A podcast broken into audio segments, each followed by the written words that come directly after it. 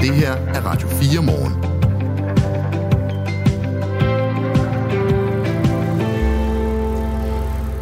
Regeringen vil øh, lette personskatter for i alt øh, 6,75 milliarder kroner i det skatteudspil, der snart præsenteres. Det er far flere medier, øh, Børsen og Ekstrabladet.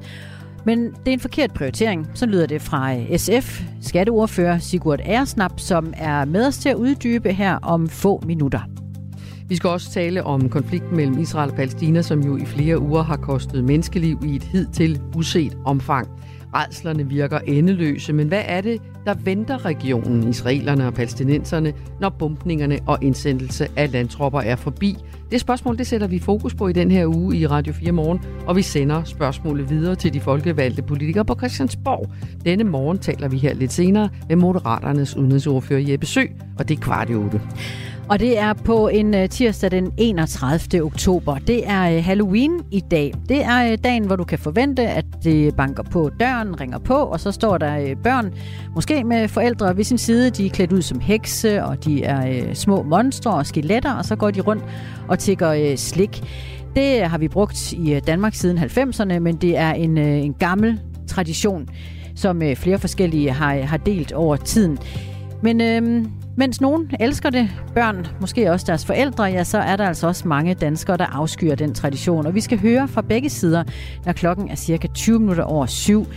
Men jeg vil gerne invitere til, at øh, du fortæller, hvad du synes om øh, Halloween. Øh, er det hyggeligt, når det banker på lidt senere i dag, og du skal servere lidt øh, slik?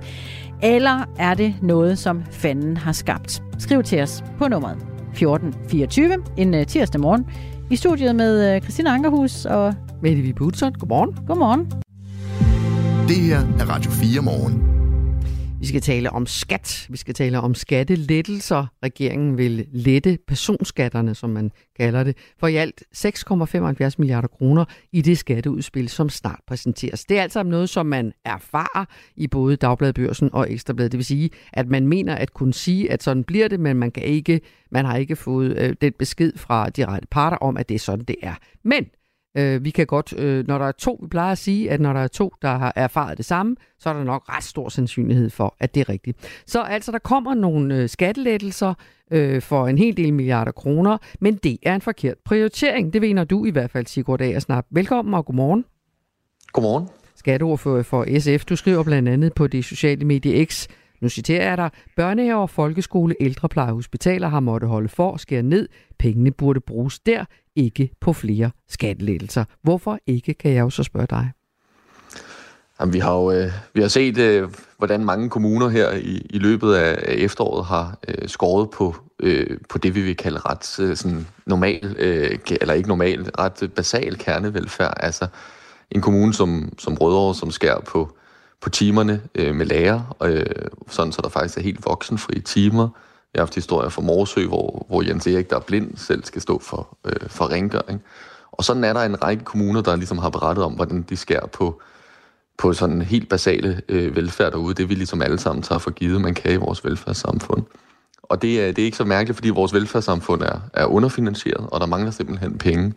Og når man bruger de her penge på skattelettelser i stedet for på at investere i velfærden, jamen så får vi ikke genoprettet det, den service, vi egentlig alle sammen tager for givet, at vores velfærdssamfund kan tilbyde. Og det er derfor, jeg synes, det er en forkert prioritering. Nu har det jo været en mærkesag for regeringen med de her skattelettelser, så det, undskyld, det kommer jo ikke som nogen øh, overraskelse, kan man alligevel sige. Er der noget i det her, som, som du alligevel mener er nyt? Ja, vi, vi vidste jo, at regeringen ville give skattelettelser for 5 milliarder, og det der så er det nye, det er, at de vil, vil øge de skattelettelser med 1,75 øh, milliarder. Øh, nogle af de penge skal gå til at øh, til topskatten, der ser ud til at blive dyrere, end man ellers regnede. Altså en lette, lettelse i topskatten, som bliver dyrere, end man ellers regnede med. Og så er der noget til beskæftigelsesfradrag. Men, men det er jo rigtigt, vi kendte jo godt retningen for den her regering, at den her regering vil dele øh, skattelettelser ud, og derfor så, så det er heller ikke en helt ny kritik for mig, men nu har vi fået nogle, nogle flere tal på. Der er jo også, øh, tror jeg, rigtig mange, fra, som, som repræsenterer den, den blå side i Folketingssalen, og for den sags skyld også regeringen, som vil sige, at den her samfundsøkonomi, den bliver ikke nødvendigvis bedre af, at man giver kommunerne langt flere penge. Vi er nødt til også at til gode se øh, de, de enkelte borgere. Vi er nødt til også at sætte gang i, i samfundshjulene ved at, øh, at lade borgerne få rådet øh, ret over flere af deres indtjente penge, eller deres egne tjente penge. Hvad siger du til det? Jamen, det er jo sådan en ideologisk forskel, vi, vi kender i, i dansk politik, mm. ikke? At, øh, at højrefløjen synes, at folk øh, skal betale mindre i skat, og på venstrefløjen, så mener vi, at vi gerne vil bruge pengene i, i vores velfærdssamfund, i, i vores øh, fællesskab. Det, der er min pointe der, det er bare, at man kan se siden 2015, og faktisk også før det efter finanskrisen, at vi er blevet rigere derhjemme hver især, men vi bruger ikke rigtig flere penge på den offentlige sektor. Og det tror jeg for rigtig mange skaber den der skævvridning af, at man har råd til ret, ret mange ting derhjemme, men når man så kommer over på den lokale folkeskole eller over i børnehaven, så tænker man, det her ser godt nok lidt mere faldefærdigt ud, end jeg regnede med. Og Men, det, den udvikling er jeg dybt bekymret for. Ja, og som du siger, det er, jo, det er jo ideologi, det er politik det her, øh, øh og det, det er vel også grundstenene i jeres, i jeres partiers holdning til det her. Men, men Rasmus Lund Nielsen fra Moderaterne, han går lidt i rette med din, dit regnestykke, fordi han skriver som svar på dit øh, indlæg på X, øh, og nu citerer jeg ham, regeringen har allerede vedtaget at give ekstra 1,6 milliarder til daginstitutionerne, 800 millioner til folkeskolen, 5 milliarder til sundhedsvæsenet. Socialisterne vil kun bruge penge på at gøre verdens største offentlige sektor større. Der må ikke gives penge til borgerne. Citat slut. Er der en pointe i det? Øh, nej, det, det synes jeg virkelig ikke. Øh, for det første, jeg, jeg kan ikke genkende hans tal. Jeg ved ikke, hvor de er fra, men det må han jo øh, han svare for. Øh, det er ikke nogen ting, der er vedtaget i Folketinget, de ting, han siger. Øhm, men, øh, men det er heller ikke rigtigt, at vi kun vil gøre øh, den offentlige sektor større. Det her det handler jo om at gøre den offentlige sektor mindre, eller i hvert fald øh, bruge nogle af de penge, der er til rådighed i dansk økonomi på, på skattelettelser. Og jeg har ikke nogen ambition om, at man skal betale, øh, betale en høj skat. Jeg synes, øh, man skal betale en skat, der sikrer, at vi kan have et stærkt velfærdssamfund. Men, øh, men når vi kan se, at man ikke har finansieret den offentlige sektor godt nok de sidste øh, 10 år, der mangler 23 milliarder, så synes jeg, det er det hul, man skal dække, før man giver flere skattelettelser. Der er kommet et par sms'er til dig, Sigurd Æresnap, mens vi, øh, vi taler med dig om de øh, kommende skattelettelser. Jesper øh, påpeger, at skattelettelser giver altså også velfærd. Hvis det er de rigtige steder, så har øh, folk en øh, nemmere hverdag. Det var en øh, kommentar fra Jesper, og en anden skriver, at stor ros til regeringen for at ville lade os beholde en lidt større andel af vores hårdt opsparede penge. Dejligt at blive anerkendt for sit øh, arbejde. Vi får ikke bedre velfærd ved at blive ved med at bruge flere penge alligevel. Jeg vil gerne bruge skattelettelserne til at give mine børn flere oplevelser. Velfærd, det er også, at man øh, har lidt mere rådrum i sin hverdag, siger de. Hvad siger du til den, Sigurd? Ja, det synes jeg er rigtigt. Altså det, det, kan man, det kan man godt sige, at vi bruger det ord velfærd for forsimplet omkring øh, sådan velfærdssamfundet, hvad det offentlige tilbyder. Det, man bare skal vide med regeringens skatteplan, det er jo, at 4 ud af 10 får ikke nogen skattelettelse. Det er dem, som, øh, som af en eller anden grund ikke er i beskæftigelse. Og øh, for halvdelen af danskerne, så vil de få en skattelettelse øh, under 50 kroner. Så det, der er dyrt i regeringens skatteplan, det er, at øh, især dem, der tidligere har betalt topskat, de vil få en stor skattelettelse. Og det er jo det er socialt skævt. Så, så man skal ikke høre mig sige, at øh, alle former for skatteomlægning, der gør, at, øh, at folk med almindelige indkomster får lidt flere penge øh, hver måned, øh, er galt. Det synes jeg egentlig kan være fint nok. Problemet med den her skattelettelse, det er, at den er, den er socialt skæv. Det er til de rigeste primært. Nu er der jo noget, der tyder på, og vi, vi, vi er jo stadig på, at det vi kalder som journalister erfar-niveauet. Øh, ikke? Altså det er ikke meldt officielt ud fra regeringens side, at det sådan, at det bliver. Men det ser ud til, at topskatten for de allerrigeste faktisk overlever, trods stor kritik fra Venstre. Og så hæves grænsen for, hvornår man øh, betaler topskat, og så indføres der så en ny mellemskat. Hvordan ser det kunststykke ud i dine øjne? Ja, altså man laver en, man laver en stor... Øh, man rykker, hvornår man skal betale topskat, så det er et højere beløb, før man skal betale topskat. Og det er det, der er den store skattelettelse til dem, der i dag har tjent mellem øh, 550.000 og 750.000, sådan cirka. Det er dem, der får den... Øh, nej, undskyld, dem, der har tjent mellem 550.000 og 2,5 millioner. Det er dem, der får den største skattelettelse. Og så indfører man den her top-top-skat for dem, der tjener over 2,5 millioner. Og det synes jeg egentlig er, er fint. Det, der er, er problemet ved top-top-skatten, det er, at øh, den vil ikke virke for, for alle, fordi man ikke øh, samtidig også beskatter aktieoverskud. Så nogen vil trække deres, øh, deres penge ud som aktieoverskud i stedet for, øh, i stedet for som løn. Men, men det med at indføre en top-top-skat, synes vi er fint. Vi synes, det er en fejl at, at lette i topskatten. Er det sådan, når man er SF skatteordfører øh, og hedder Sigurd Aersnap, altså, altså kan man ikke komme i tanke om nogen skattelettelser, der vil kunne give mening? Er det så ideologisk det er, eller er der faktisk steder, hvor du vil sige, det her, det ville SF egentlig godt kunne stemme for? Ej, det, det vil, vi vil godt kunne lette skatten, hvis man gjorde det målrettet i bunden. Altså, når jeg siger, at 4 ud af 10 ikke får en skattelettelse med regeringens øh, skatteplan, så er det fordi, man ikke målretter det i bunden. Og hvis man målretter det i, i bunden, så vil det komme alle øh, til gode. Øhm, og og det, det vil være mere socialt balanceret. Så det er i Man kan grad... også sige, det er regeringen. Det er i højere Ja, grad undskyld. beløbet, nej, det er mig, der afbryder dig for at spørge dig om, det er i højere grad beløbet end det, øh, eller undskyld, det er i højere grad, hvor de her lettelser kommer hen, end beløbet. Ja, det er de her skattelettelser er socialt skæve. Altså, de, øh, de går primært til, til dem, der i forvejen har rigtig mange penge. Og, øh, og jeg har ikke noget mål om, at man skal, øh, skal betale en høj skat. Øh, jeg har et mål, at vi skal finansiere vores velfærd, men vi kunne sagtens øh, omlægge skatten sådan, så at øh, dem med almindelige indkomster, dem der var på overførselsindkomster, de fik lidt flere penge hver måned. Tak skal du have, Sigurd Agersnap, for at være med os denne morgen. Selv tak. Skatteordfører for SF. Ekstrabladet adf- erfarer, som sagt, at øh, til tonerne af Chopin sørge, hvad er det, det er, en sørge march, eller hvordan er det nu det er? Det er det. Jeg gør, jeg gør lige det her færdigt, så kan du få lov at spille denne dystre tone. Ja. Christina, men Ekstrabladet erfarer altså, at indfasningen af skattelettelserne skal begynde fra 1. januar 2025, inden de er fuldt implementeret i 2030. Og jeg skal også lige sige, at vi prøver selvfølgelig at få en skatteordfører fra regeringen i tale i løbet af den her morgen. Og det er altså hverken øh, Sigurd Ersnap fra SF eller en øh, kommende skattereform, jeg prøver at tage livet af på den her måde ved at spille Chopins øh, begravelsesmarsch. Det er, fordi vi lægger øh, nem ID i graven i dag. Det er øh, sidste dag med øh, nem ID, og, øh, og spørgsmålet er vel egentlig, nu spørger jeg både dig, med og jeg spørger også alle andre, er det, øh, er det egentlig sørgeligt, at vi begraver nem ID? Øh, på sådan en begravelsesdag, så stiller man jo tit hinanden det her spørgsmål, hvilke gode oplevelser har vi egentlig haft med vedkommende, som vi siger farvel til? Har, har du haft gode oplevelser med nem ID? Om spørger du mig? Ja, det gør jeg faktisk. Altså, jeg kan ikke mindes, at jeg har haft oplevelser med NemID. altså, udover at jeg det bruger det som et værktøj. Men det, jeg mere spørger mig selv om, det var, hvorfor var det, at vi skulle det, og hvorfor var det, at vi skulle have noget andet i stedet for? Fordi, altså, i princippet er det vel nærmest det samme. Eller Det er næsten det samme, det vil jeg også sige. Så det der med at finde gode oplevelser med øh, vedkommende, vi er ved at begrave, det er måske lidt nemt. Hvad med dårlige oplevelser? Har du nogen af dem? Nej. Nej, ingen oplevelser. Jeg har det relativt neutralt med NemID. Ja. Den, øh, den eneste oplevelse, jeg kommer i tanke om, det var faktisk overgangen til mit ID. Altså, der, Det er rigtigt, der det var svært. Græd, men, ja. men hvem kunne gøre for det, kan man Ja, også sige. Var ja. det NemID eller MitID? Det er næsten synd at give Vi kunne være nem sur på dem begge to. ID. Ja, præcis. Ja. Men i hvert fald så øh, er langt de fleste af os, vi, vi har altså fattet det, at vi skal over på mit ID. Sådan er det trods alt. Sådan viser øh, tal, som er opgjort ved Digitaliseringsstyrelsen. 98 procent af os borgere over 15 år er hoppet med på øh, mit ID, men der er nogle få tilbage. Dem, der er tilbage, det er ældre over øh, 80 år, og så er der nogle enkelte unge, som ikke rigtig føler sig voksne nok til at tro, at de skal gå den vej endnu. Og, øh, og så er der udenlandsdanskere, som nok tænker, at det rager dem en, øh, en parband. Men øh, i dag altså et øh, farvel til øh, Nem ID, om det så er med sørgemusik eller med et øh, noget mere hopla-agtigt. Det bestemmer man vel egentlig selv. Men man kan godt slette appen, forstår jeg, ikke? Jo, fordi ja. nu vi kan Nu ikke kan det bruge lige mere. meget. Nu er det slut. Mm. Farvel og, øh, og rip.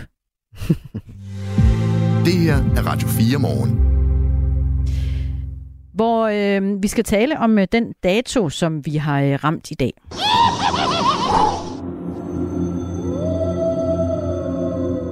Det er en øh, uhyggelig dag i dag. Det er øh, Halloween, og øh, det er ikke bare uhyggeligt, fordi øh, det handler om øh, spøgelser og øh, monstre og, øh, og den slags skeletter med mere.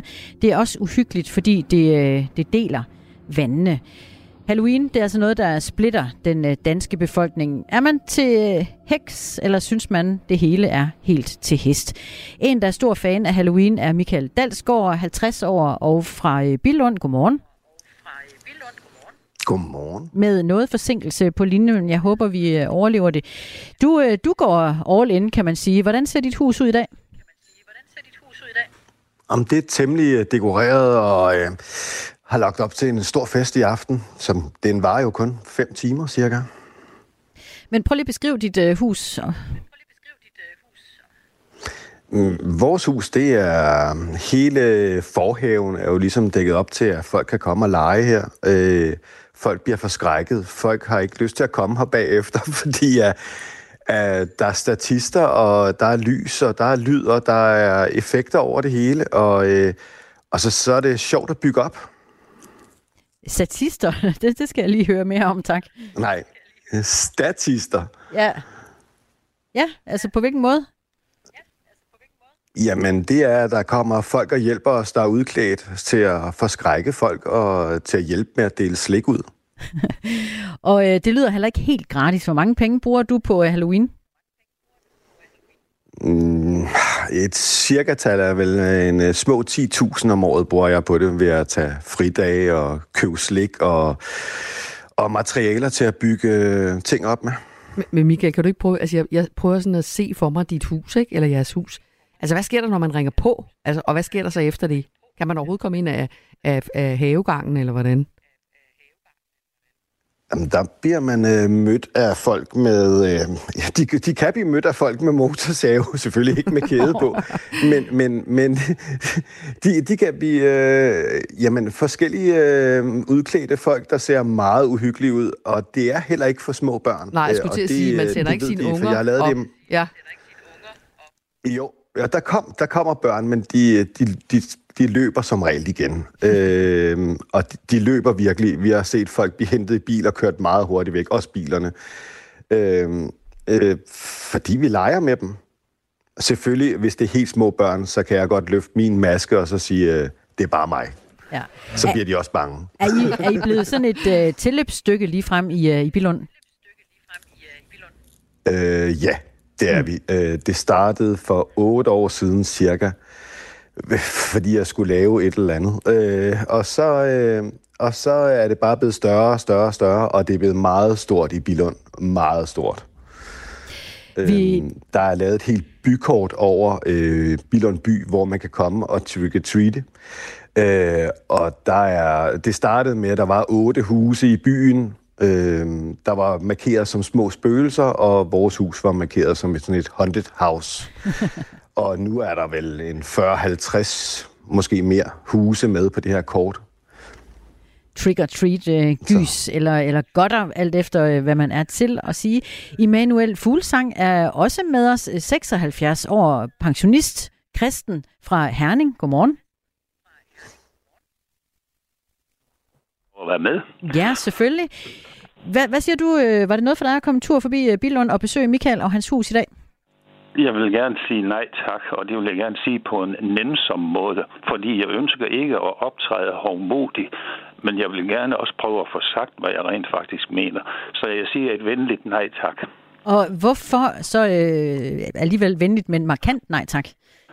Ja, jamen det skyldes, at der foregår noget, som vi ikke kan se.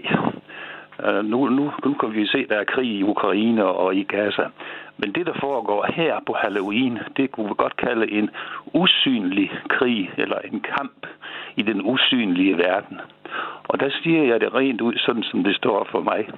Det er en kamp mellem Gud og djævelen, mellem Jesus og dæmoner.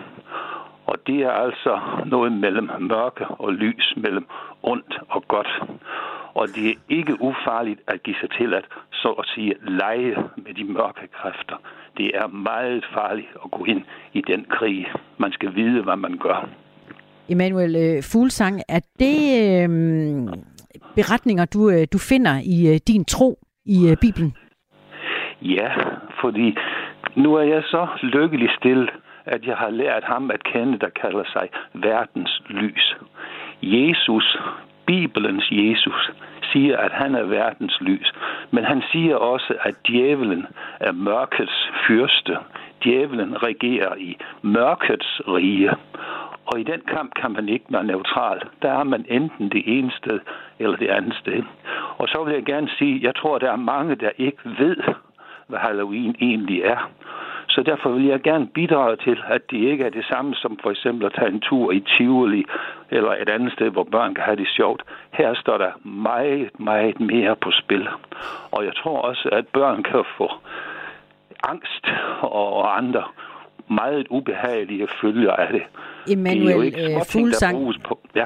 Ja, jeg er øh, gammel nok i går som journalist, så jeg ved, det er øh, svært at, øh, at interviewe imod tro, eller øh, ind i øh, troen, som jeg hører, at du øh, har med dig, øh, ja. kristen, som, som ja. du er. Mm. Så jeg spørger dig bare på den her måde, kan vi ikke bare få lov at have det sjovt i dag? Jeg er ikke den, der er ude og demonstrere eller nogen ting, men jeg synes også, jeg føler en forpligtelse til over for mine kære medmennesker, familier og hvor det er henne, og få sagt et ord om, tænk jer godt om, inden I tager afsted. Så jeg håber, jeg har fået det sagt på en nænsom og kærlig måde, fordi jeg vil faktisk gerne være til hjælp for andre mennesker. Og jeg blev rigtig glad i aftes, da Radio 4 ringede og spurgte mig, så jeg har prøvet at forberede mig lidt med nogle, nogle stikord. Så når det gælder lyset, så er Bibelen for mig ligesom en lygte, når vi er ude på en mørk vej. Så lyser Bibelen, og så kan vi se og finde den rigtige vej frem. Men, men... Det vil jeg gerne have sagt. Ja, og det har du også gjort nu, men jeg tænker på, Emanuel Fuglsang, en del af, af den kristne tro, øh, det kan det godt være, jeg kan ikke skælne din fra andres, Nej. men er vel også alle helgers, øh, alle helgeners dag. Altså det er jo ja. ikke, det er jo ikke ualmindeligt, at man fejrer eller mindes i hvert fald de døde, heller ikke i, i det, som øh, man må betragte over en bred kamp som kristendommen. Jeg er faktisk glad for, at du nævner alle helgen, fordi øh, det har jeg ikke sådan lige mit udgangspunkt øh, troede jeg tid til at sige noget om. Men der vil jeg sige, det er jo netop en kristen baggrund. Det tænker vi på dem, som har bragt kristentroen videre til os. Ikke fordi de var særlig fromme og, og hellige på det menneskelige plan, men de havde en tro, og den har kirken stået for. Og øh, jeg plejer at sige det sådan, jeg vil gerne tænke på dem, som nu er døde, men som levede i troen på Jesus. Så der er også et skille imellem mørke og lys. Har man troet på Jesus, så er man faktisk en af dem, som er omfattet af alle helgen. Det er Immanuel Fuglsang. Det er en salme, som jeg ikke skal citere, men biskoppen Immanuel, vi skal ja. også lige tilbage til Michael Dalsgaard, der jo har brugt øh, mange tusinde kroner på øh, dagen i dag og har glædet sig, som jeg hørte nærmest som et, øh, et lille barn. Hvad, hvad siger du til, at, øh, at, at du øh, på den her måde skræmmer øh, børn og, øh, og måske giver dem øh, veje men? Det har jeg. Jeg har også læst historien. Jeg kender historien bag Halloween, som startede i Irland for mange hundrede år siden, og man laver jo græskarmænd for at holde de her onde ånder væk. Så det er jo en del af kristendommen, kan man sige, bare længere ude i en gren af kristendommen. Så jeg har egentlig ikke så meget mod det. Altså, for mig, der er det jo et show. Det er jo ikke for at gøre, om børn skal være kristne eller ikke kristne.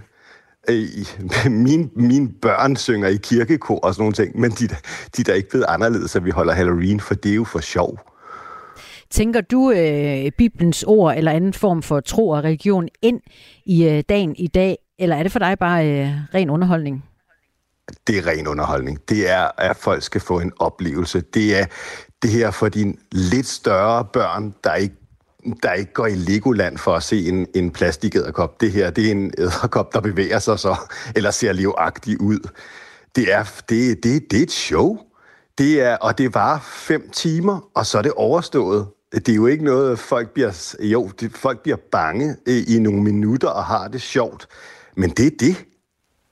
Det her med, at der er forskellige holdninger til det. Nogen, for nogen er det, er, det, er det forankret i deres tro, at, øh, at man tager afstand fra det på en venlig måde, noterede jeg mig, som du også sagde, Mængel, og det synes jeg er dejligt i en tid, hvor folk ikke har det med at være så venlige over for hinanden.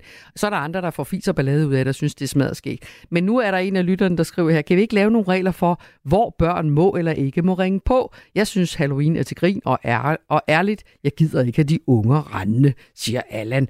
Altså, måske er det ikke nogen helt åndssvag idé, at man jo helst ikke skal møde nogen, der slet ikke har lyst til at være en del af det. Kan man det? Kan man lave regler for det? Hvad tænker I om det? Og er det nødvendigt? Michael? Det, det tænker jeg. Nej, jeg tænker ikke, det er nødvendigt. Jeg tænker, her i byen, øh, Bilund, der har man gjort det. Man har lavet et kort, hvor, man kan, hvor alle børnene ved, de kan komme hen og få slik. Hvor de er velkommen til at komme ind. Men jeg har det sådan, da, vi, da jeg var lille og var til faste lavn og sådan nogle ting, der ringede vi jo på alle steder, og det var ikke alle, der havde et eller andet til os jo. Sådan var det jo bare. Øh, men, men jeg har bare sådan et regler, det... Mm. Jeg synes, alle skal have lov til at have det sjovt, og det, det Halloween er kommet for at blive. Det er sådan, jeg ser det i hvert fald. Jeg vil gerne have lov at uh, takke begge de herrer, der var med uh, her på uh, Halloween 31. oktober. Michael Dalsgaard fra uh, Bilund, der går uh, all in, giga-fan af Halloween, og Emanuel Fuglsang, som, uh, som er det modsatte modstander i dagen. Det kan vi vel godt sige. Tak til jer begge to. Det var Mange tak, fordi jeg måtte få lov at sige noget om Jesus. Det var det største for mig. Mm-hmm. Velbekomme. På en uh, tirsdag morgen, det er Halloween, uanset om man vil det eller ej. Klokken er halv otte. Nu er der nyheder på Radio 4. Det israelske militær oplyser på det sociale medie X, at det har intensiveret sin landoffensiv med en række angreb i det nordlige Gaza. Og det ser ud til, at de israelske soldater i Gaza er kommet for at blive, det siger Allan Sørensen, der er mellemøst korrespondent for Kristi Dagblad.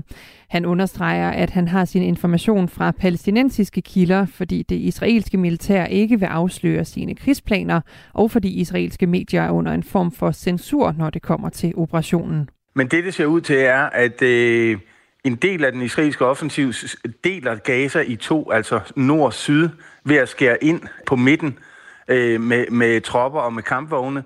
Og så kommer der øh, israelske styrker nordfra os, som presser ned mod syd.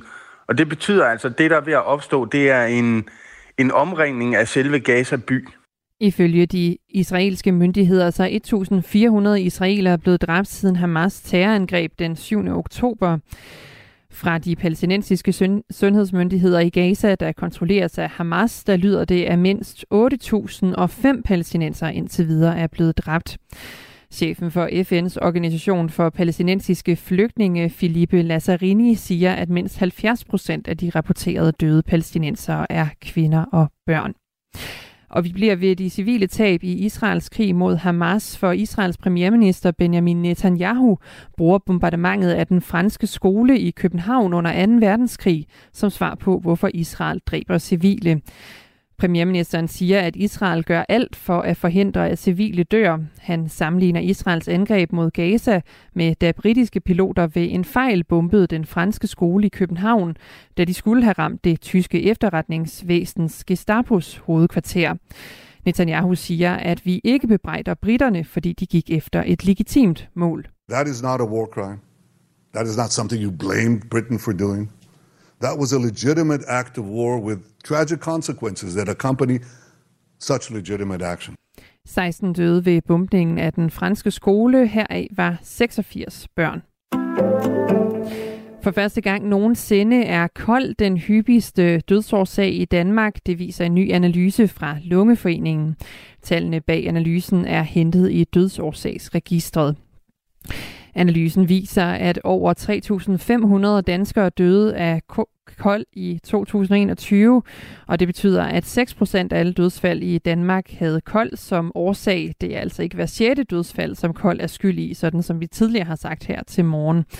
Rygning er skyld i mindst 85% af tilfældene af kold. I dag er sidste dag, man kan bruge NemID til at tjekke sin forskudsopgørelse eller til at læse digital post. Den digitale løsning har været under afvikling længe, og langt de fleste brugere er også skiftet over til NemID's aftager MitID. Dem, der endnu ikke er skiftet over til MitID, er typisk ældre, mennesker med anden etnisk baggrund og socialt udsatte. Det fortæller Adam Lebæk, der er vicedirektør i Digitaliseringsstyrelsen og ansvarlig for MitID og NemID. Han siger, at de sidste stadigvæk godt kan nå at skifte NemID ud. Hvis man ikke har nået at skifte til MitID endnu, kan man enten bruge sit pas, downloade appen, og så bruge sit pas til at komme ind i MitID. Hvis man ikke har et pas, eller man ikke kan have en telefon, hvor man kan scanne passet med, så kan man møde op i borgerservice og få hjælp til at komme over på MitID. Det bliver overskyet med udbredt og vedvarende, vedvarende regn. I den nordvestlige del af Jylland kommer det dog mest tørt vejr. Temperaturer mellem 3 og 12 grader koldest i Jylland. Det var nyhederne her på Radio 4 med Anne Sofie Felt. Det her er Radio 4 morgen. Husk, at du kan sende os en sms på 1424.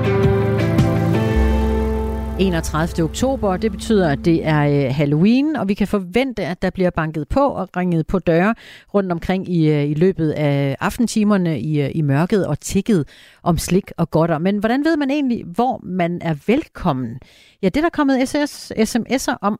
Der er flere, der skriver, at der allerede er øh, en regel, altså at, øh, at nogen skriver her, en lytter skriver, i vores område må børn kun banke på, hvis der er dekoreret og lys i græskarret. Og det er der faktisk også en anden, der skriver, at reglen er, at man kun ringer på, hvor der er oplyser, hvor der lyser et græskar. Det var jeg faktisk ikke klar over. Den kendte jeg egentlig godt, og øh, ja, og jeg, jeg er topklar med Men min græskar. så må jeg bare sige, det må altså bare være i villakvartererne, for hvad gør man, når man bor i en etageejendom? Så er det jo svært at vide, om Skal man ja. så også have et græskar uden for døren, eller hvordan? Jamen, den sender vi øh, skud ud til dig, der ved det. Hvad, hvad gør man, når man bor i en uh, etage ejendom og uh, gerne vil signalere om børn og barnlige sjæle er velkomne i aften, eller ej? Skriv til os på nummeret 1424. Du lytter til Radio 4. Lungesygdommen kold er den hyppigste, hyppigste dødsårsag i Danmark. Det viser en ny analyse lavet af Lungeforeningen, og det er øh, tal, man har fra øh, dødsregistret. Ja, det hedder det. 3.570 danskere døde i 2021 øh, af sygdommen kold, og det gør altså sygdommen nu mere dødelig end for eksempel kræft. Leif Fogh øh, Jacobsen har øh, kold og har haft det i 18 år. Godmorgen. Ja, godmorgen. Du har den sygdom, som flest danskere dør af lige nu. Hvordan er det? Det er noget, man kan leve med. Altså, det er selvfølgelig ikke rart, fordi at, øh, ja, man bruger jo næsten 85 procent af sin energi på at trække vejret. Men altså, man kan jo udmærket leve med den. Altså, jeg udmærket, det er så meget starten. Altså, jeg har levet med det siden øh, 2005, hvor, hvor jeg i 2005 inden for et døgn faktisk blev meget syg og kunne ikke få luft. Øh, og jeg kunne virkelig ikke få luft, fordi der havde jeg ikke øh, lært at trække vejret ordentligt, og alt det der, det kom senere. Så, og i dag, 18 år senere, har jeg 24 procent lungekapacitet, så vi kan sige, at, at, at træning og uh, rigtig medicin kan, uh, det forlænger i hvert fald livet uh, med mange år. Det er min, ikke bare overbevisning, men også min holdning. Mm. Hvordan påvirker sygdommen dig i din hverdag? Uh, man er kronisk træt, fordi man bruger, altså kroppen bruger så meget energi på at, at forsyne, hvad skal jeg sige, øh, hjerter og, og hjerner, og hvad der findes med, øh, med, med blodet, der indeholder ilt nok. Øh, så, så det, det er jo lidt på overarbejde hele tiden, og øh, det tager en masse energi. Øh, nogle dage mere end andre, og hvorfor, det tror jeg ingen kan forklare. Altså man har jo virkelig gode dage, øh, selvom man har svært ved at få, få luft, og man har virkelig dårlige dage. Øh, så det, det, øh, det er meget mere at leve her og nu, og så ikke i morgen. Øh, fordi i morgen kan være, at man aflyser alle aftaler. Det kan være, at man aflyser alle aftaler til aften. Man ved aldrig, hvor man er rigtig, men uh, man kan finde det med det. Det vi ved, det er, at øh, sygdommen kold er en sygdom, hvor øh, lungernes væv er øh, ødelagt, og hvor luftvejene er forsnævret. Og så har øh, patienter som øh, dig, Leif, en øh, nedsat lungefunktion, har svært ved eksempelvis at gå og spise og tale, fordi de ikke får øh, luft nok, når I, øh, når I trækker vejret. Du, øh, du taler sådan, øh, uden at jeg kan høre det på dig. Leif, hvornår er det tydeligst for dig, at du øh, fejler sygdommen kold? Og for det første, fordi det måske kan være svært at høre på mig, det er fordi, at øh, for mange år siden, da jeg fik kold inden for de første par år, så lærte jeg at øh, trække øh, vejret med maven. Det vil sige, at jeg trækker vejret med, med, med maven, fordi at, at øh, bronke og bronchiale, de er mere eller mindre ødelagt, men så er veloner, de, de yderste led af de fine maskedele af lungen, som er tæt på maven. Det er dem, der fungerer bedst, og øh, ved at bruge øh, nervemuskler, så, så, så producerer man altså, der, der får man bedre luft. Og, øh, øh, men jeg skal bare lige gå en tur ud i køkkenet og tilbage, så kan du høre på mig. Nu øh, kan vi læse af, af tallene i øh, det, der hedder så barbarisk nok dødsregistret, at det er den sygdom, flest danskere øh, dør af. Det er den sygdom, ja. du, øh, du lever med og, og fejler. I alt dør der cirka 50.000 mennesker hvert år i øh, Danmark af den her sygdom. Der er 200.000, der ligesom dig lever med øh, sygdommen. Men øh, det øh, vurderes faktisk, at dobbelt så mange har sygdommen, uden det er øh, registreret. Ifølge en analyse lavet af Lungeforeningen, så døde der øh, 3.570 mennesker af kold i 2001 hvilket er den hyppigste dødsårsag i, øh, i Danmark til det. Vi øh, har store indsamlingsshow og så videre, når det handler om øh, kræft. Føler du, at øh, den sygdom, du lider af, kold er overset? Mm, det er både og. Altså for min egen vedkommende har jeg ikke overset den. Jeg har allerede øh, en gravsten stående på kirkegården. Øh, det er en lidt sjov kurios som har tilfælde, men det har jeg rent faktisk. Øh, jeg vil sige, at den er overset øh, i sin alvorlighed. Altså de, mange læger, øh, jeg vil ikke sige min egen, når jeg har skiftet læger, ikke fordi at jeg har skiftet, men øh, de er enten døde eller er stoppet men de har ikke den nødvendige indsigt, og synes jeg, at være øh, til at sætte den rigtige behandling i gang. Det, det er i hvert fald den ene ting, og det er vigtigt, at man fra starten får den rigtige behandling. Men Leif, må jeg lige holde fast i, du, øh, ja. du er 75 år, har 24 procent tilbage af din lungekapacitet og fortæller, at du øh, har gjort din øh, kirkegårdsplads klar. Hvor meget Nej, taler... det er ikke en plads. Nej, gravstenen står gravstenen, gravstenen, undskyld. Men hvor, hvor meget fylder det i din hverdag, at du, øh, du lider af en meget alvorlig sygdom? Det føler ikke ret meget. Det, det føler ikke ret meget, fordi det er bare sådan, det er. Altså, så det kan jeg ikke lave om på. Jeg ved det godt, man dør af det, men, men det kan være, at der dør noget andet inden. Altså, det, det er ikke noget, jeg spekulerer på overhovedet. Men når du gør din øh, gravsten klar, er der andre ting, du øh, gør klar omkring den dag, det måtte ske? Nej, det, historien er den, at jeg har, jeg har heldig, været så heldig for år tilbage for at lave øh, gravsten til det ukendte gravsted. Og det er der, jeg skal begraves. Det er derfor, min gravsten er klar. så, så det er den finte. Leif Fogh Jacobsen, som har haft øh, kold i øh, 18 år. Både du og jeg omtaler lige nu sygdommen som, øh, som kold. Der er sådan lidt forskellige måder at gøre det på. Men er det, er det kold, du holder fast i? Det skal lige have igen, om kold holder fast. Altså øh, udtalen. Det er bare fordi, der bliver nævnt ja, ja, flere ja, gange. ja. Jamen, det, jamen, det er udtales koldt. Det, Ja. ja. det, øh, Godt. men altså, nogen siger kol, det er også lige meget. Altså, folk Ja, ja, ja. ja. ved, hvad vi... Jamen, det Hvis, skal ikke hvis vi siger kold eller kol, så ved alle jo, hvad vi mener, men Mhm. mm-hmm. altså, jeg udtaler det koldt. Mm. Man kan sige øh, kold, det, eller ko- kol. Rigtig mange lyttere mener, at vi tager fejl og siger, at det hedder, kold, det hedder kol, det hedder ikke kold. Og så. Man, må jeg godt sige, man kan sige begge dele. Øh, ja. Så det er så dejligt salmonisk, men det er jo en forkortelse for kronisk obstruktiv lungesygdom. Så fik vi også lige det Ja. på plads. I gamle dage kaldte vi det kronisk bronkitis. Ved du, øh, Leif, hvorfor du har øh, fået sygdommen? Ikke 100 procent. Altså, der er tre muligheder, og det er måske en kombination af alle tre. I yngre dage arbejdede meget med i, i, noget, i støv, kan man sige, med nogle kemikalier, så, som skulle blandes, hvor vi ikke rigtig brugte masker eller noget, noget beskyttelsesudstyr. I 91 efter Golfkrigen i, i Kuwait, der var med til at slukke omkring 500 brænde. Der brugte vi heller ikke øh, røgudstyr, som man faktisk skal. Altså, der var virkelig meget røg. Og så har jeg selvfølgelig røget en cigaret i mange år. Det skal så siges, at jeg var faktisk stoppet med at ryge, da jeg fik koldt. Men, men koldt, det er jo ikke noget, der kommer fra en, fra en dag til næste. Det, det bygges op over 10, 15, 20, måske 30 år. Så hvad det kommer af, det kan jeg ikke sige. Er der noget, du øh, tænker, du skulle have gjort anderledes, hvad angår øh, arbejde eller rygning? Ah, jeg vil nok have stoppet med at ryge 20 år før, måske. Ja, for at være helt ærlig. Men, øh, og, og det eneste, jeg kan sige, det det er at lade være med at ryge. Altså, lad være. Et øh, budskab, der er til at forstå fra dig, Leif Fogh Jacobsen, der har haft øh, kold i øh, 18 år. Tak fordi du var med os her til morgen. Ja, velbekomme. Du er for gammel. Hun skal være 17 år, og forfatterne ser dig så nu som Fie. Tak for nu. Og så kunne jeg bare mærke, nej, fuck nu det hele. Nu skal jeg bare give den gas. Jeg har intet at tabe. I Portrætalbum bruger Anders Bøtter musikken til at vise nye sider af sine gæster. Jeg tager det ikke for givet, at vi har et land som Danmark, hvor det kan lade sig gøre at stå og være omringet af tusindvis af andre mennesker og være fælles om noget, og der ikke er noget dårligt, der er ikke noget, vi skal være på vagt overfor. Der er bare glæde.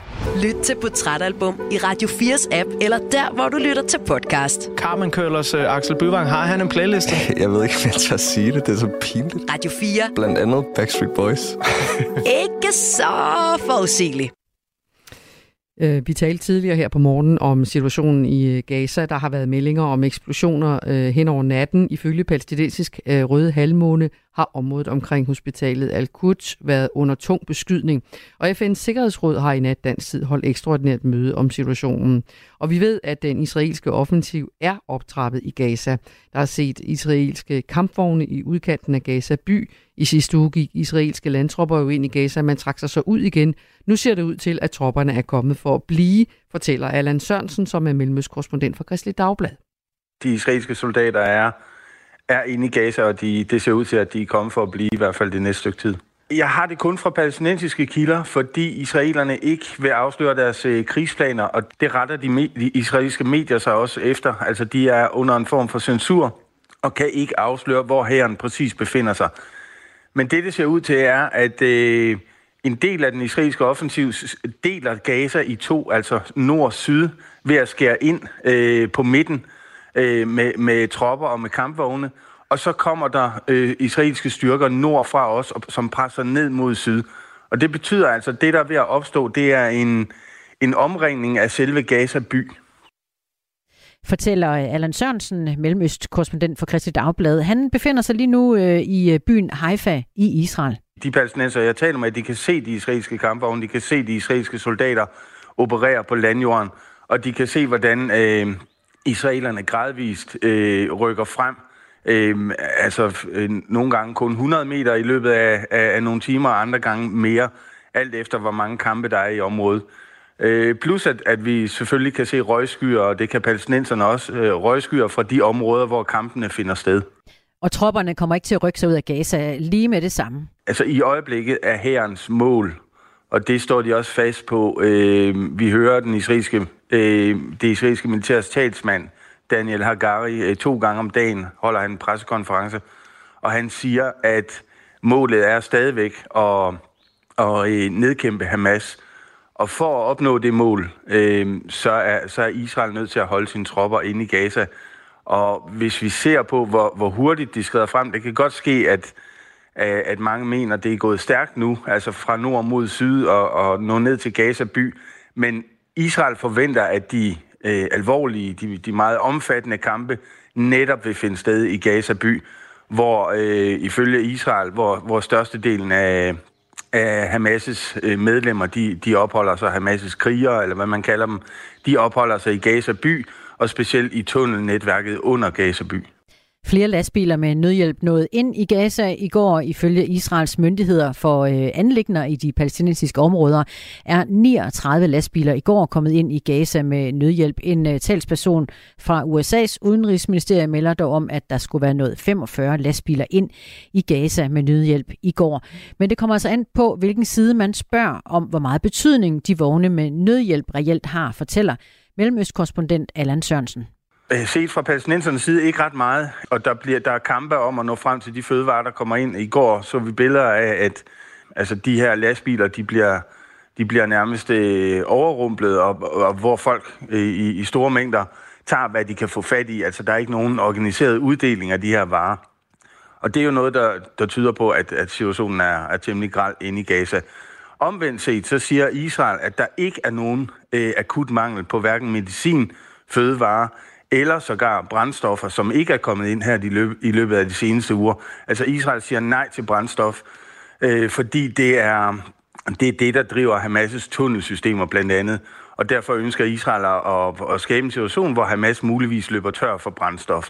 Men øh, den her, det her israelske udsagn, det står jo i kontrast til, til hvad vi ser på billederne, og, og hvad palæstinenserne selv siger, netop at de mangler medicin og, og fødevarer og, og drikkevand. Øh, noget så basalt som drikkevand. Men der, øh, der holder Israel altså fast på, at der er stadigvæk varer nok øh, inde i Gaza. Og øh, det er lidt en, en, øh, en armvridning mellem Israel og USA om, hvor mange daglige øh, lastbiler, der skal køre ind i Gaza. Altså amerikanerne forlanger, at det skal være flest muligt, og så tror jeg, at Israel forsøger at putte prisen ned øh, på, på omkring 15, 20, måske 30 lastbiler, i stedet for at 100 lastbiler kører ind. For det kunne sagtens være tilfældet. Lastbilerne er klar øh, på den egyptiske side af grænsen, og de kan sagtens køre ind. Og sådan rapporterer Allan Sørensen, Mellemøst-korrespondent for øh, Kristelig Dagblad. Og de her redsler, som jo lige nu virker endeløse, øh, får på et eller andet tidspunkt må man gå ud fra en afslutning. Men hvad er det så, der venter den region, altså israelerne og palæstinenserne, når bumpninger og, i, og indsættelse af landtropper er forbi? Det er et spørgsmål, som vi sætter fokus på i den her uge i Radio 4, og vi sender også spørgsmålet videre til nogle af dem, som øh, følger situationen og som, og som gør det fra det, det danske folketing. Og vi begynder i dag med, med dig, Jeppe Sø. Godmorgen og velkommen. Godmorgen. Udenrigsordfører for Moderaterne. Øhm, det er en konflikt, som har stået på i rigtig mange år. Lige nu er det en regulær krig. Har du, øh, kan du løse, øh, han har sagt, den gordiske knude? Hvordan mener du om Moderaterne? ja, den er svær, ikke? Men altså, hvad tænker I om den, den konkrete løsning til konflikten mellem Israel og Palæstina? Jamen først og fremmest så er det jo svært overhovedet at tale løsninger, og det er jo det, der er så skrækkeligt lige nu. Øh, Øh, Jeg sidder for eksempel lige nu i Oslo til, til Nordisk Råd-møder, og de burde jo handle om, om en masse nordiske anlægner, og, og dem er der i virkeligheden mange af. Men, men her fylder det jo også øh, både Israel og Ukraine på samme tid. Øh, og det vil sige, at vi, vi har et helt nyt verdensbillede, som jo på mange måder ændrer øh, både de ting, vi skal tale om lige nu, men også kommer til at ændre det, tror jeg, i mange år frem. Ja, hvordan det, Det er Jeppe. Altså, øh, hvordan, hvordan tror du Jamen- det, får det, får det, altså er det endnu en oplysning, som jo i hvert fald i tabstal er langt, langt værre end nogensinde før, og så bliver alt i og for sig, som det var engang, eller hvordan ser du på det?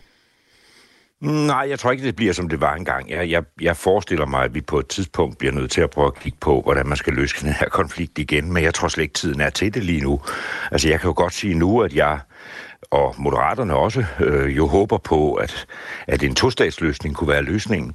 Men en tostatsløsning kræver jo, at, at de er enige øh, om noget som helst, og der går jo en rum tid, før man er det. Øh, når, et, når et terrorangreb på den her måde sker på, på, øh, på Israel, så vil der gå lang tid, før Israel vil lytte til noget som helst. Øh, jeg tror, at de fleste andre, øh, der har været i krig, ved, at, at, øh, at der går faktisk en rum tid, før man overhovedet kan være i, i stue sammen. Øh, også selvom der skulle være en våbenhvile, øh, så, er der, så er der skår, som, som, som jo altså vil være måske årtier ude i tiden. Og det er vel Så også... hele det der fine arbejde, synes jeg, der, der jo har været sådan løbende, hvor man har håbet, og hvor man har holdt et, et, et møde og håbet, øh, jamen der tror jeg faktisk, at vi vil have nogle årtier nu, hvor, hvor det er uløseligt.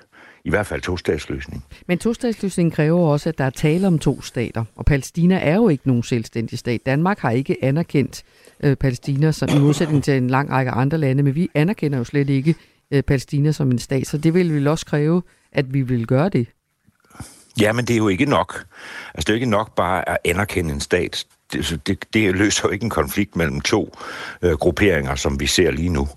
Øh, det, det er vigtigt for at, at, at kunne leve i en tostatsløsning. Det er jo, at to, to stater kan leve øh, i fred og fordragelighed, øh, eller i hvert fald i et tålt naboskab. Øh, og, og det kræver jo øh, blandt andet en vilje øh, fra begge sider. Og den har jo altså ikke været der. Det er jo ikke fordi, at det er en ny konflikt, som vi nu skal til lige at kigge på for første gang. Øh, det her er jo noget, der, der har været forhandlet år efter år efter år. Og det er den forhandling, jeg spår, bliver meget, meget svær lige nu. Nu har der jo været, øh, nu siger du, du er i Oslo, der blev uddelt en fredspris i sin tid, Nobels fredspris til, til parter, der forsøgte mm. at, at bilægge netop den her konflikt, som har stået på i så mange år. Danske udenrigsminister har været involveret i at forsøge at finde fredsløsninger. Socialdemokratiske Mogens Lykketoft, øh, konservativs mm. Per Stig Møller osv. skrevet bøger om det og fortalt om det osv. osv. Hvilken rolle kan og skal øh, Vesten, eller for den sags skyld øh, Mellemøsten, hvem skal spille en rolle i forsøget på, på et eller andet tidspunkt at forlige de her parter? Altså jeg tror ligesom de fleste andre konflikter i verden, så skal, så skal rollen jo primært komme indenfra. Den skal jo starte i en lyst. De gange, hvor vi har forsøgt at indføre et demokrati ved at sige, nu skal I bare høre, hvis I ikke gør det her, så vil vi ikke det ene og det andet og det tredje. Der er det jo ikke rigtig lykkes. Så det skal jo komme indefra. Det skal jo komme som et ønske. Og i det sekund, der er skyggen af ønske, bare om at sidde i samme rum, så er det så, at vi skal komme med vores forskellige former for opbakning. Og det har vi jo gjort før. Og grunden til, at det ikke er lykkedes, det er, at der ikke har været et reelt ønske, i hvert fald ikke et ønske på begge sider. Og det er jo derfor, en konflikt som den her er så svær at løse. Men hvad er det jeres er vel lidt ønske? ligesom i et ægteskab. Ja, hvad er jeres Hvilken- ønske til fremtiden for det her øh, område? Altså, Jamen altså, moderaterne går ind på, på, på tostats- tostatsløsning og en, en fredelig øh, løsning på det her. Det vil, det, men problemerne er, at man kan jo ikke gå ind for noget i et andet land på den måde. Man kan jo ikke bare gå ind for at sige, at det er det her, der vil være, øh, der er løsningen, og det skal vi så kæmpe for. Fordi det er ikke vores sag at kæmpe. Allerførst, så er det jo deres sag at kæmpe det, de står i lige nu, som er redselsfuldt. Øh, og når de så har udkæmpet det, jamen så skal de jo finde ud af, hvad det er i virkeligheden, de har lyst til. Vi kan så komme med råd, og Moderaternes råd, det er en tostatsløsning. Jeg tror, der er flere og flere, der, der, der peger på, at det, det er løsningen. Fordi det er det. Øh, det er måden at arbejde sammen på, og det er måden at bo øh, øh, ved siden af hinanden på. Problemet er bare, at ved, uden lyst, så kan der sådan set være to stater ved siden af hinanden, som, som bare skændes videre. Øh, jeg, jeg, Men... Jeg tror altså, jeg, det er så ulykkeligt, men, men øh, de små tiltag, der har været til det, dem tror jeg ikke, vi kommer til at se i et årti. Men Jeppe, Jeppe Sø, jeg spørger dig lige igen, fordi når, når, når du siger, at Moderaterne går ind for en to-statsløsning, så må det naturlige spørgsmål efter det jo være, det vil sige, I vil gerne have, at Palæstina skal være anerkendt som en stat, også i, dans, i danske øjne. Vi vil gerne have, at man i samspil med, det er jo også Moderaternes helt grundlæggende holdning, uanset hvilken øh, politik det handler om. Vi, vi, det her skal komme fra dem. Det skal komme fra folk. Ligesom beslutninger, vi tager på Christiansborg, skal komme fra vælgerne.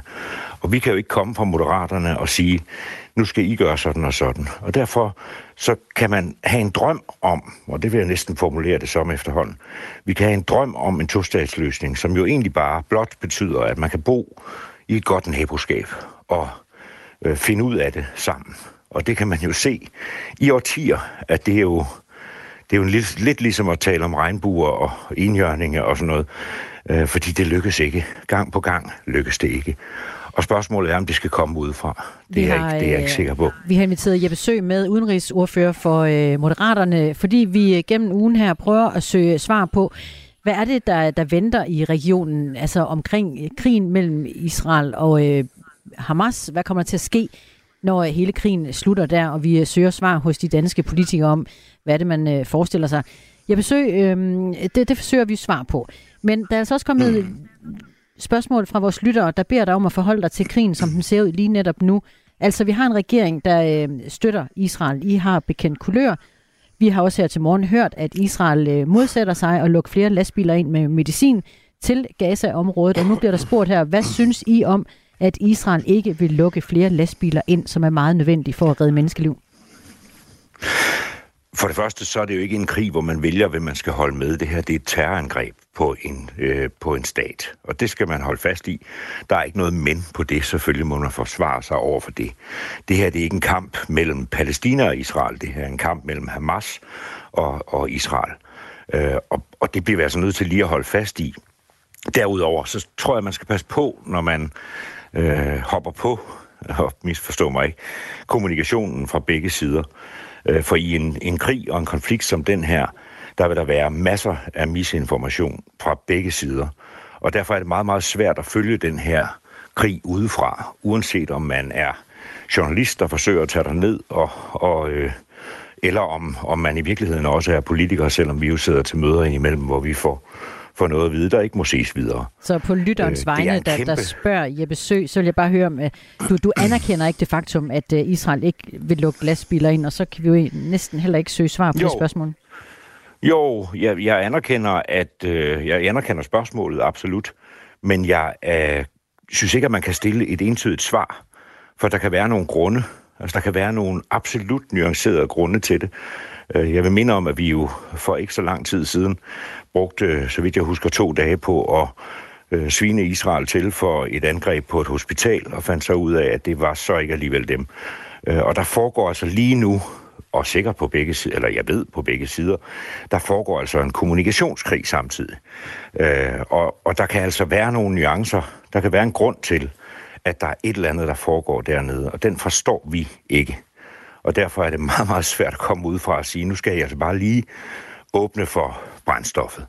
Mm. For hvis ikke I åbner for brændstoffet, så er det irriterende for nogen. Det, det Jamen det skyldes jo så sms'en. terrorisme ned i, i, nogle, i nogle tunneller, ikke også? Mm. Ja. Jeppe Sø, tak skal du have. Øh, vores første ja. politiker, øh, udenrigsordfører for Moderaterne. Rigtig god dag til dig. Øh, vi håber, at øh, i løbet af ugen at sætte øh, spot på, hvad der skal ske med området, når de her værste voldsomheder lige nu øh, på et eller andet tidspunkt slutter. Vi skal høre de andre partier også. Hvad er, hvad kan en løsning på konflikten være fremover? Det spørger vi om her i Radio 4 morgen. Jeg vil også godt lige øh, fortælle, at, øh, at der jo også er en, øh, en masse eksperter, som giver bud på, om det overhovedet er realistisk at forestille sig den her tostatsløsning. Det kommer vi også til at se nærmere på i den kommende uge. Så øh, skal vi om øh, ikke så længe forbi en øh, situation, der foregår i en forstad omkring Aarhus. Nemlig det, at en øh, hund nu har øh, skambit tre mennesker der. Vi kommer øh, ikke helt ud, hvor, øh, hvor hunden... Jo, det gør vi faktisk. Vi skal tale med en, øh, som har mærket hundens tænder i sig. Men vi skal også omkring den mere generelle snak om, hvad gør politiet egentlig i sådan en situation, når en, øh, en hund spreder øh, skræk og redsel i et område? Hvor meget skal der egentlig til, for at man som øh, politi kan sætte en stopper for det. Og med det, der mener jeg også, hvornår øh, skrider man så øh, hårdt ind, at man kræver en hund aflevet. Det kommer vi til at snakke om. Men øh, lige nu over til øh, nyhedsstudiet. Klokken er 8. Du har lyttet til en podcast fra Radio 4. Find flere episoder i vores app, eller der, hvor du lytter til podcast. Radio 4. Ikke så forudsigeligt.